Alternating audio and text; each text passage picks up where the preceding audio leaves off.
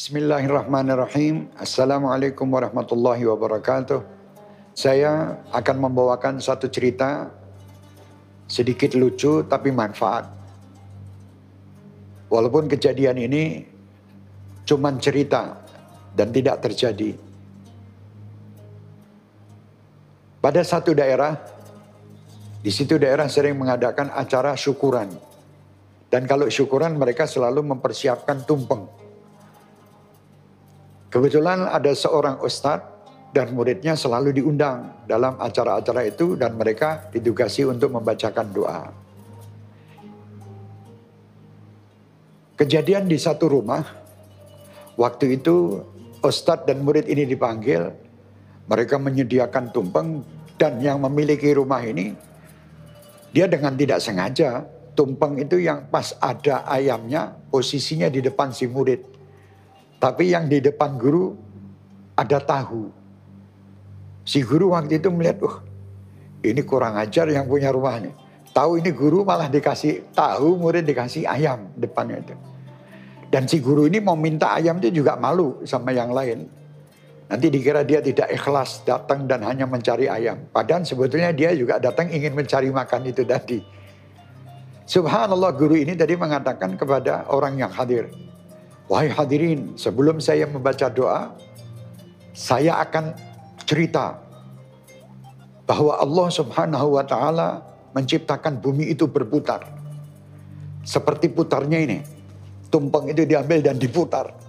Tahu menghadap kepada si murid, ayam menghadap kepada si guru. Alhamdulillah kata guru. Berhasil juga saya punya taktik ini. Ternyata muridnya lebih cerdas daripada gurunya. Akhirnya si murid itu mengatakan, Pak Ustadz, sebelum doa saya mau tanya apa betul Allah menciptakan istilahnya bumi ini berputar seperti ini Ustaz. Dikembalikan lagi tahu di depan Ustadz, ayam di depan si murid itu. Si Ustadz ini mau mengembalikan lagi bingung. Ya sudahlah, ini risiko sudah ini. Dan ini kecerdasan murid. Awas kamu nanti setelah acara. Akhirnya Ustadz itu berdoa. Dan Ustadz itu doanya juga tidak panjang-panjang karena tahu di depannya. Bukan ayam. Selesai doa, pulang dia pamit sama yang punya rumah, panggil murid ini, hei, kamu kenapa kamu tadi seperti itu? Lah saya lihat ayam Ustaz ada di depannya Ustaz, ya saya kepingin makan ayam. Akhirnya saya putar. Oke kalau begitu kita adakan kerjasama aja. Jadi nanti kalau kita dipanggil sama orang, harus kamu tahu dulu apa yang akan disuguhkan ke kita nanti. Siap kata si murid ini kepada ustadznya. Kebetulan beberapa hari berikutnya diundang oleh tetangga yang lain. Subhanallah waktu itu baca tahlil la ilaha illallah baca baca ayat-ayat Al-Qur'an. Si ustadz ini tanya sama si murid itu karena murid sudah duduknya agak jauh. Gimana gitu dengan kode tangan begitu aja. Uh astagfirullah lupa kata si murid itu. Dengan ucapan itu ustadz paham. Tanya dulu tanya. Jadi kasih kode lah kasih isyarat.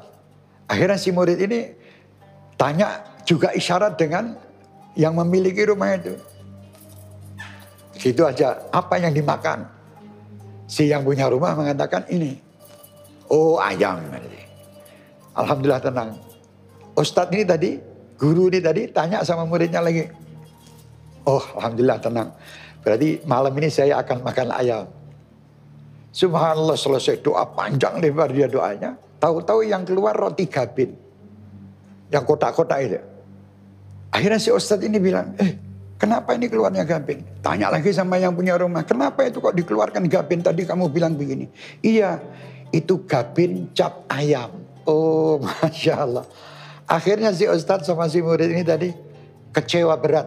Malam hari itu mereka sudah merasakan ingin makan ayam. Ternyata yang keluar malah roti gabin. Nah dari cerita ini kita bisa ambil manfaatnya. Sebetulnya setiap orang dakwah sebagai tokoh tidak harus dia menanti apa yang diberi oleh siapa pun. Dia yakin bahwa Allah Subhanahu wa taala yang Maha Pengasih, Maha Penyayang, dia akan memberi apa yang dibutuhkan oleh dirinya. Jadi jangan sekali-kali ya bagi kita ini kalau berbuat baik menanti imbalan dari orang yang kita istilahnya berbuat baik kepadanya. Jangan, insya Allah mudah-mudahan. Kalau kita ikhlas dalam menjalankan semua amal, Allah tahu apa yang menjadi keperluan kita, apa yang menjadi kebutuhan kita, dan insya Allah Allah akan mengarahkan kita di jalan yang diridhoinya, dan insya Allah apa yang dihajatkan pasti kabul. Tapi kalau dengan cara yang seperti itu, kita tidak ada harga dirinya.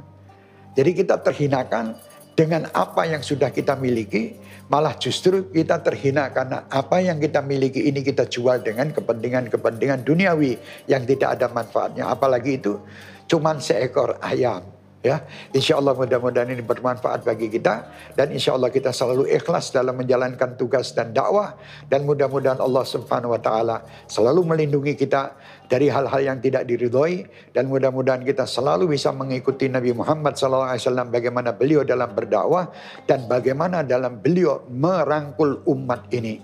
Insya Allah berkah manfaat dunia wal akhirah. Wassalamualaikum warahmatullahi wabarakatuh.